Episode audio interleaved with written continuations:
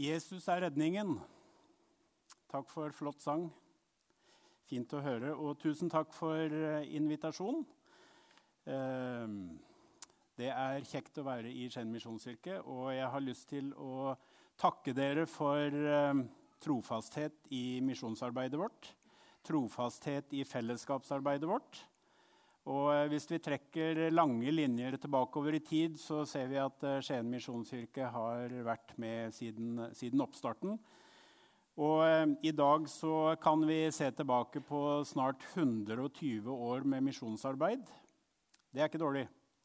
De fleste av oss har ikke vært med så lenge, men Skien misjonskirke har vært en av pionerene hele veien og stått trofast med. Veldig flott, og det håper jeg at eh, menigheten har opplevd eh, velsignelse av. Eh, koselig å se Kristin her i dag, som eh, har vært ute i misjonstjeneste, også utsendt fra Skien misjonskirke. Jeg har lyst til å eh, dele et ord i dag fra Johannes 4. Det er for mange eh, et kjent kapittel, men vi skal lese noen, noen vers der. Der sier Guds ord. Men Jesus sa til dem, 'Min mat er å gjøre det Han vil, Han som har sendt meg, og fullføre Hans verk.' Dere sier, 'Ennå er det fire måneder til innhøstingen.' Men jeg sier dere, løft blikket og se på markene. De står alt hvite mot høst. Den som høster, får sin lønn og samler inn grøde for det evige liv, slik at den som sår og den som høster, kan glede seg sammen. Kjære Jesus, takk for ditt ord. Takk for at eh, du er her. Takk for at eh, du ønsker å tale til oss. Ber om at eh, ditt ord skal få rikelig plass i våre liv. Så legger vi dagen og møtet i dine hender. I Jesu navn. Amen. Når jeg sier det er et kjent kapittel, så er det fordi at eh, Jesus han har akkurat snakka med ei dame som eh, kommer fra landsbyen Samaria. Samaria jeg vet ikke om noen av dere kjenner eller om alle kjenner historien bak det, men samaritanerne de var litt sånn halvblods jøder. Fordi at eh, noen hundre år tidligere så var, var det flere av jødene som ble bortført fra Israel. Og så ble de blanda litt med andre folkeslag, og så kom man tilbake. Og så fikk man en, en jødisk landsby som allikevel ikke var fullt godkjent blant jødene. Eh, og eh, Samaritanerne de eh, beholdt også sin gudstro, men blant de renskårne jødene så var de ikke gode nok. Og De fikk ikke lov til å ha de samme privilegiene som de vanlige jødene og Derfor så ble samaritanerne litt uglesett. Og en god jøde han skulle helst ikke snakke sånn med en samaritaner. Og Så opplever vi at Jesus han kommer fordi de skal gå, de skal gå et lengre stykke, og så velger de en snarvei innom, innom, Samaria for å spare litt tid på veien. Og så Når han kommer utafor landsbyen der, så setter han seg ned for å hvile litt. Og så blir han eh, tørst. Og akkurat eh, da så kommer det ei dame ut eh, på lyse dagen og henter vann. Eh, og det var litt uvanlig, for at, når sola sto høyt, da hadde de fleste allerede vært og henta vann. Så vi kommer inn i historien, og så har jødene stilt noen spørsmål. Men, men, så kommer Jesus med en liten forklaring om at dere må løfte blikket. Og eh, når vi snakker om eh, blikk, så tenker vi gjerne på to ting. Vi tenker på det fysiske, altså øynene våre. Vi tenker på at vi kan se med øynene våre.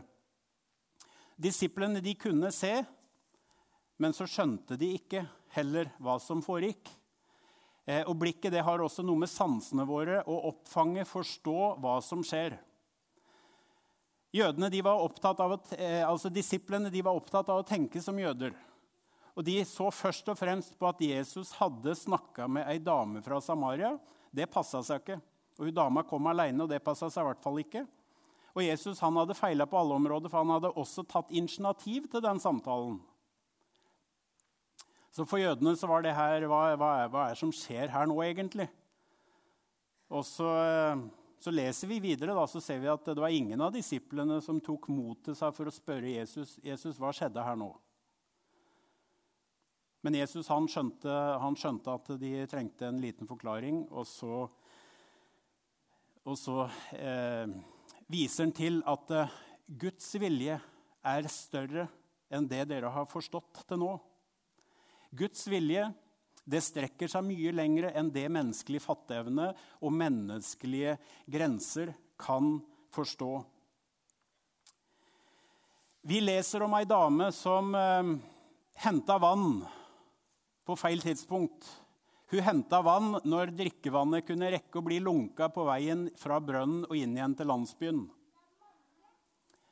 Hvorfor henta hun vann på det tidspunktet? Så kjenner vi historien at hun levde et uordentlig liv, kaller Bibelen det. Og Jesus kommer inn i samtalen med henne og sier at du må hente din mann. Og så 'Jeg har ikke noen mann', sier dama. 'Nei, det er helt riktig', sier Jesus, 'for du har hatt fem menn, og han du har nå, er heller ikke din'. Og for en jøde så, så var det forståelig at hun ikke ville hente vann sammen med de andre. Hun levde et liv i skjul, i hvert fall store deler av døgnet. Og sånn er det med mange mennesker rundt om i verden i dag. De lever med en skam som gjør at man ikke går rundt med et løfta blikk, men at man kikker i bakken, man kikker vekk, man møter ikke blikkontakt. For det er ulike ting inni livet vårt som gjør at vi har kanskje mista frimodighet, eller vi velger å holde oss på avstand. Hun dama her hun levde utafor normen. Hun visste det ifølge Moseloven at hun levde helt feil. Hun visste hvordan hun burde leve, men hun gjorde det ikke. Og så er det ingenting i Bibelen som tilsier at hun var stolt over hvordan hun levde. Hun skjulte ikke sin synd, men hun skjulte seg selv.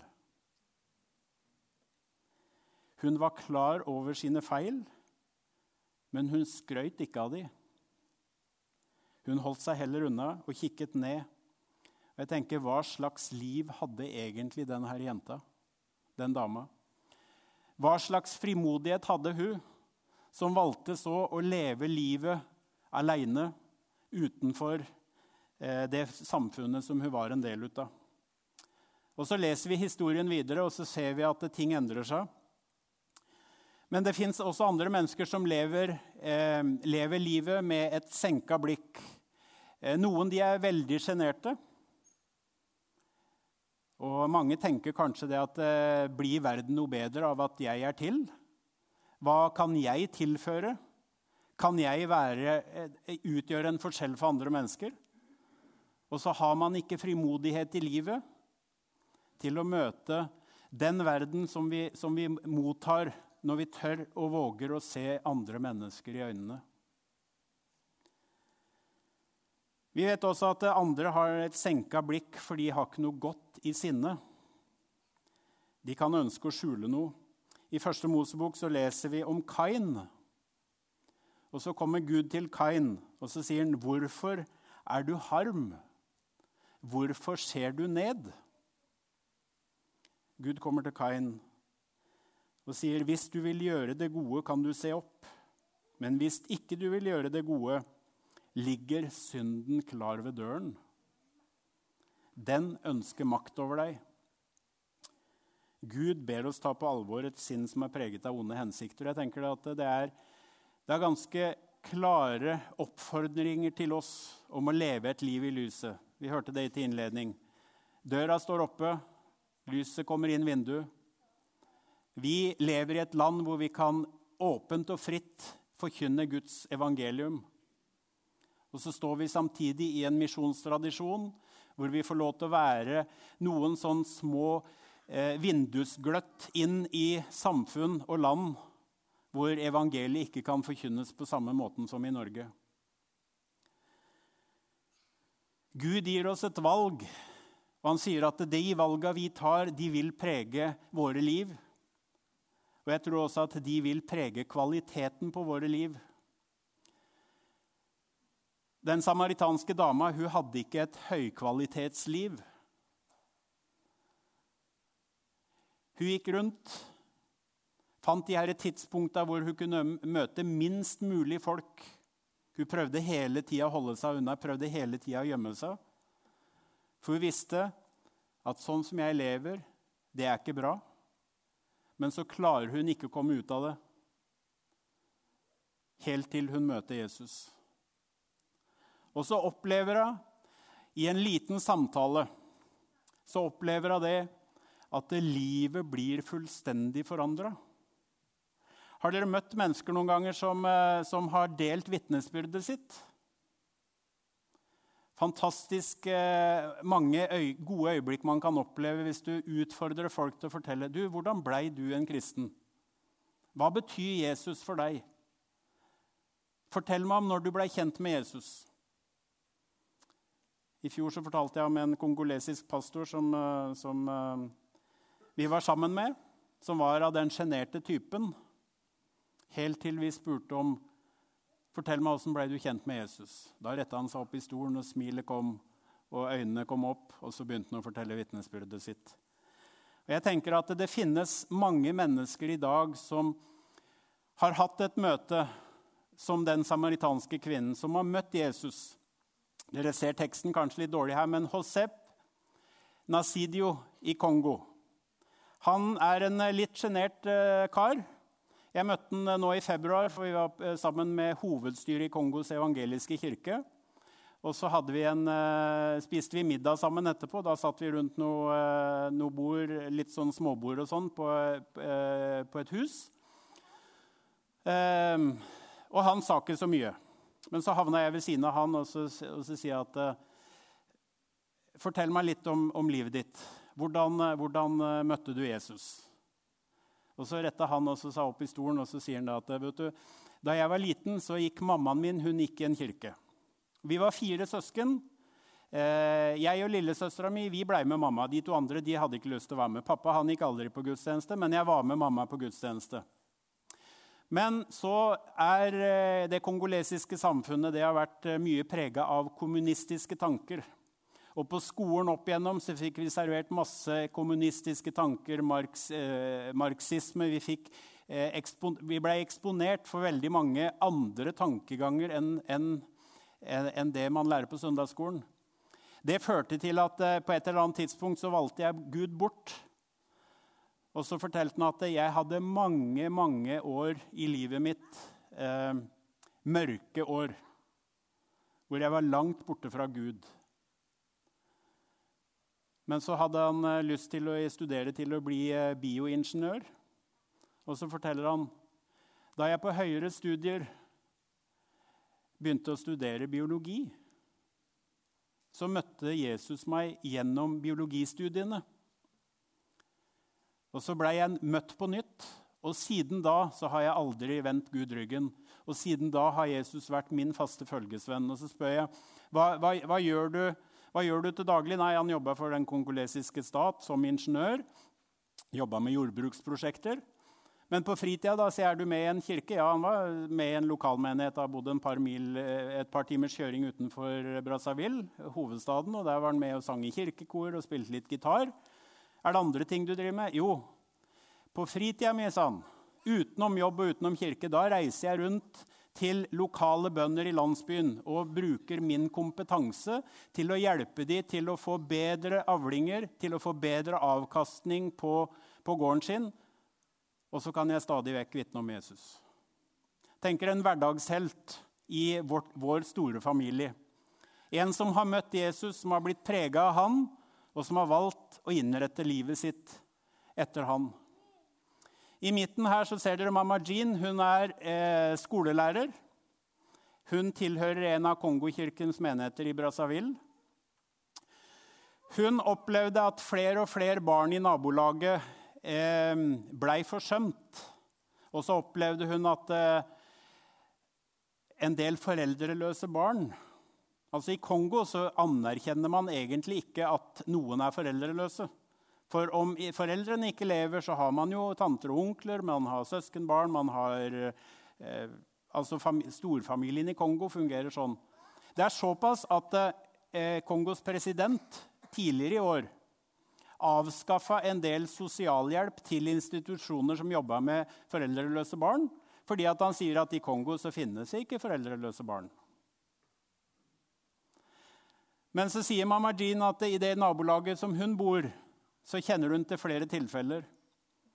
Det er alltid noen som får lov til å, til, til å låne kanskje en seng eller i hvert fall en madrass på et gulv. Men det finnes også barn som ikke engang har en madrass. Og For noen år siden så starta hun ut fra menigheten et prosjekt, eh, en menighet som heter Engamaba. Et prosjekt for foreldreløse barn. Det er et av fadderprosjektene våre. Men det finnes flere slike lignende prosjekter i Kongo. Eh, de, eh, de, to på høyre side her de er søsken. For fire år siden så ble de foreldreløse, og pappaen deres var pastor. Plutselig så opplevde de at de hadde, de hadde ingenting. Og så har de nå fått lov til å få mat og støtte og kjærlighet og oppfølging gjennom mennesker som har løfta blikket i sitt nabolag. I Afghanistan eh, har vi mennesker som jobber med mental helse. I Afghanistan opplevde man for noen år siden at eh, en del kvinner som en protest, eller enda, enda sterkere enn en protest, sånn som vi kjenner ordet protest, men en desperasjon, satte fyr på seg selv. Etter krigstraumer, etter overgrep så får vi lov til å være med og støtte en internasjonal misjonsorganisasjon som jobber mot myndighetene for å få dette på dagsorden. Men som også har institusjoner, som har kristne fagarbeidere som stiller seg fram og gjør seg tilgjengelig for samtale, for bønn, for veiledning. I Afghanistan får vi ikke lov til å forkynne med ord. Men vi får lov til å forkynne med handling. Kristne fagarbeidere fra ulike land. Vi har også hatt noen fra Misjonskirken Norge som har vært ute. Som har gitt deler av livet sitt i en kultur som er helt annerledes enn vår. Alle disse barna i Afghanistan, alle de barna i Midtøsten. Hva slags påvirkning får de i livet? Hvilke verdivalg vil de ta de neste åra? Hvilke politiske systemer kommer de til å støtte? Hvilken livsvei tar de? Håpet er Jesus Kristus. Og håpet er at Guds kirke sender mennesker som har et løfta blikk. Pastor Omar Bedoya i Medellin i Colombia skal dere være med på tur neste år, så kanskje dere treffer Omar. Han er tidligere rehabilitert narkoman. Levde på gata i mange år. Levde et uordentlig liv hvor han ikke satt og hadde styringen på eget liv. For etter hvert så var det narkotika som, som eh, styrte båten. Og så ble han kristen gjennom et eh, rehabiliteringsarbeid eh, i en av misjonskirkene våre i Medellin. Det var en annen tidligere rusmisbruker som hadde møtt Jesus, og som siden har via livet sitt til, til, å hjelpe mennesker i samme situasjon. Omar peker på Jesus, og han bruker all, all kraft og all, all energi på menighet, men også på, ut på gata og møte venner han kjenner som venner som fremdeles ligger under. Gloria Alsate sier ofte 'vår mor Teresa' i Colombia.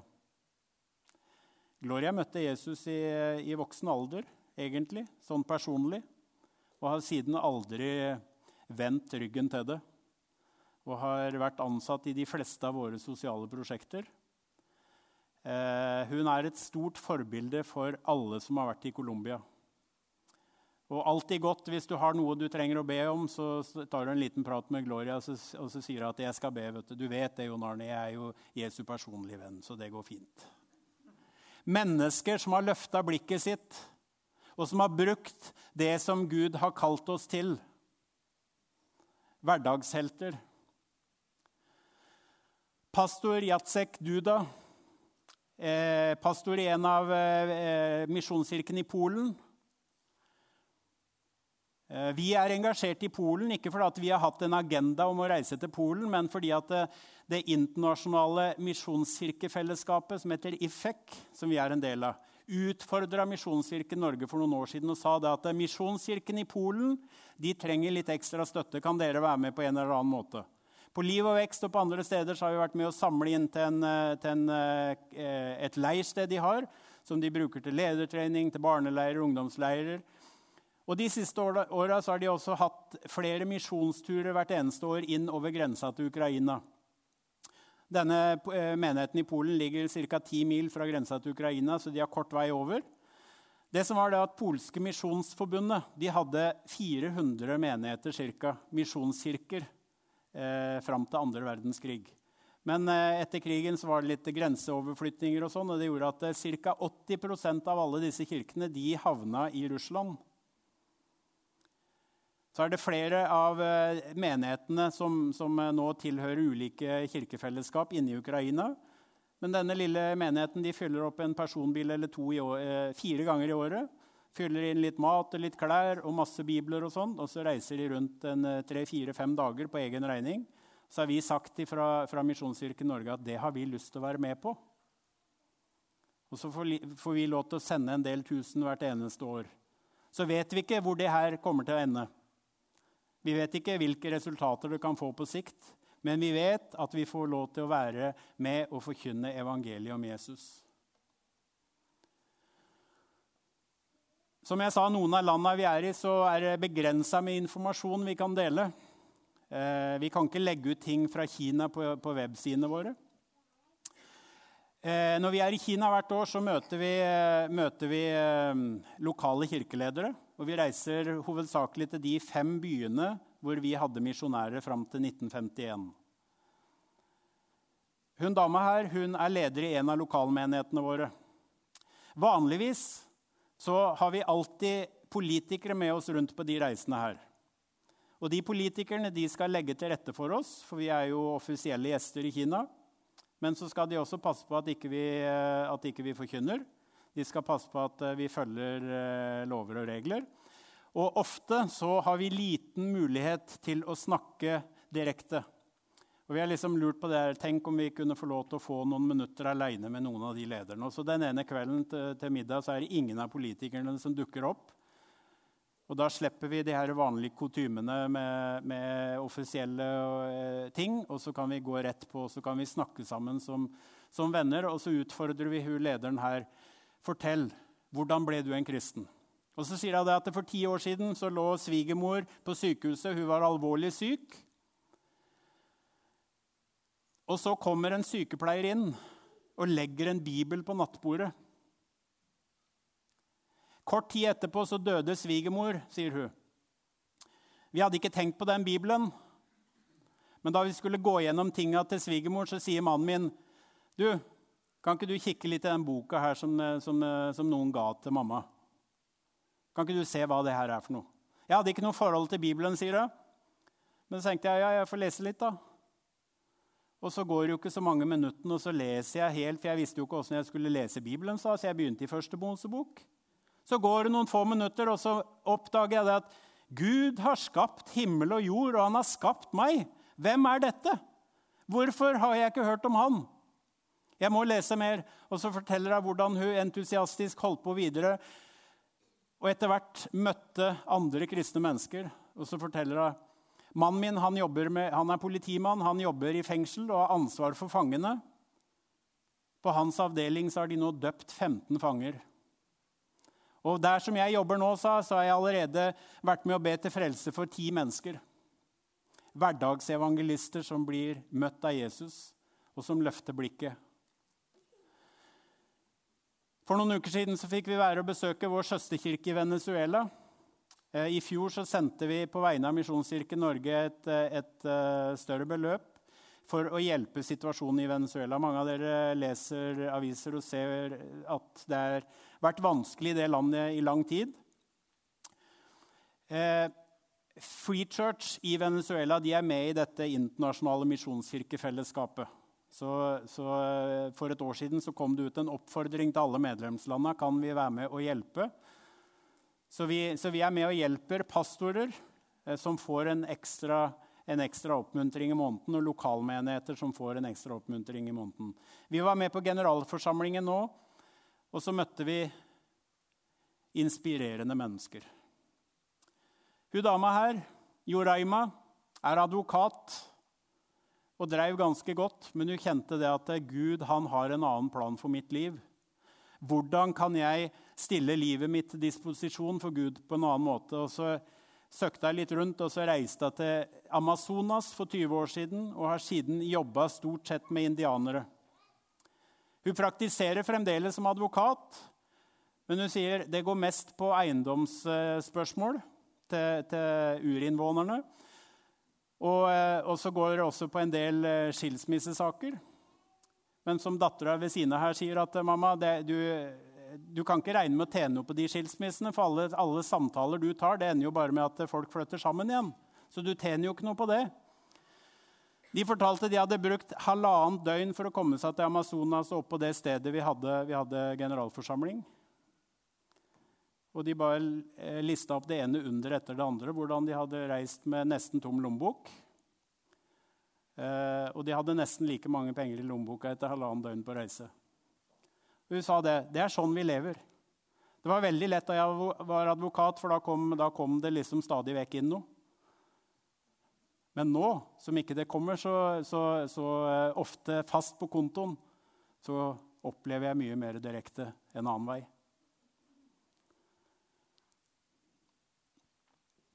Til sist graven til Robert Morrison i Macau utafor Hongkong. Som et symbol på den første protestantiske misjonæren som reiste til Kina.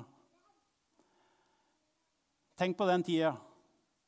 De tok farvel med familie. Reiste og kom aldri tilbake. Grava ved siden av er hans eldste sønn, som, som, som døde der. Han mista, mista kona si. Men han var trofast og han jobba med å oversette Bibelen fra engelsk til kinesisk. Mennesker som har gått foran, mennesker som har løfta blikket og tatt Jesus på alvor. I Kina i høst så, eh, hadde de innvielse av en ny kirke som, eh, som, vi har fått lov til å være med å bygge. Og da ble vi tatt imot med, med stor fest og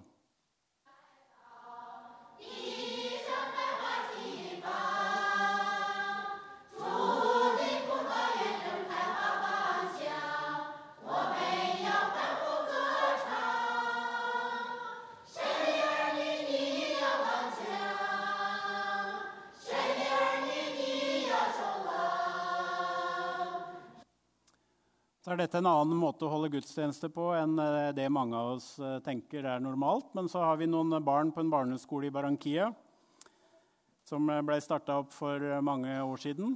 Nå har vi over 700 barn på skolene våre i Barranquilla som vi er med å støtte.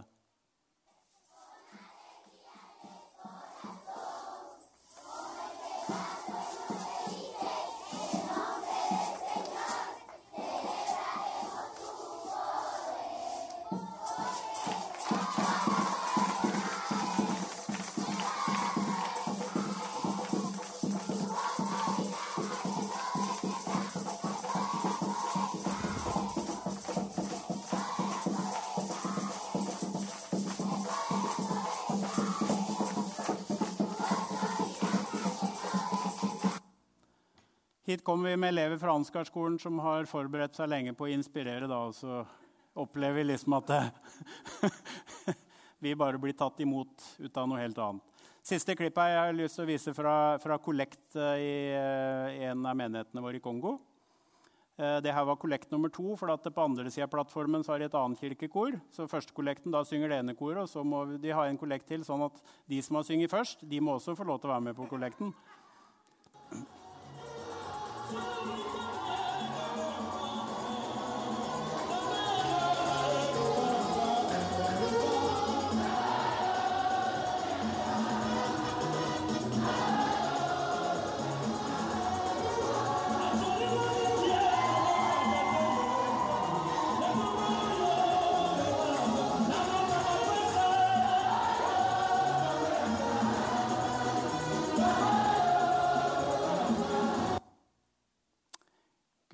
Til inspirasjon for flere av oss. Løft blikket, sier Jesus. Løft blikket. Da vi var sammen med kirkelederne i Venezuela nå for noen uker siden, så sa de det at eh, ikke mist håpet. Ikke bruk energien deres på å klage på presidenten.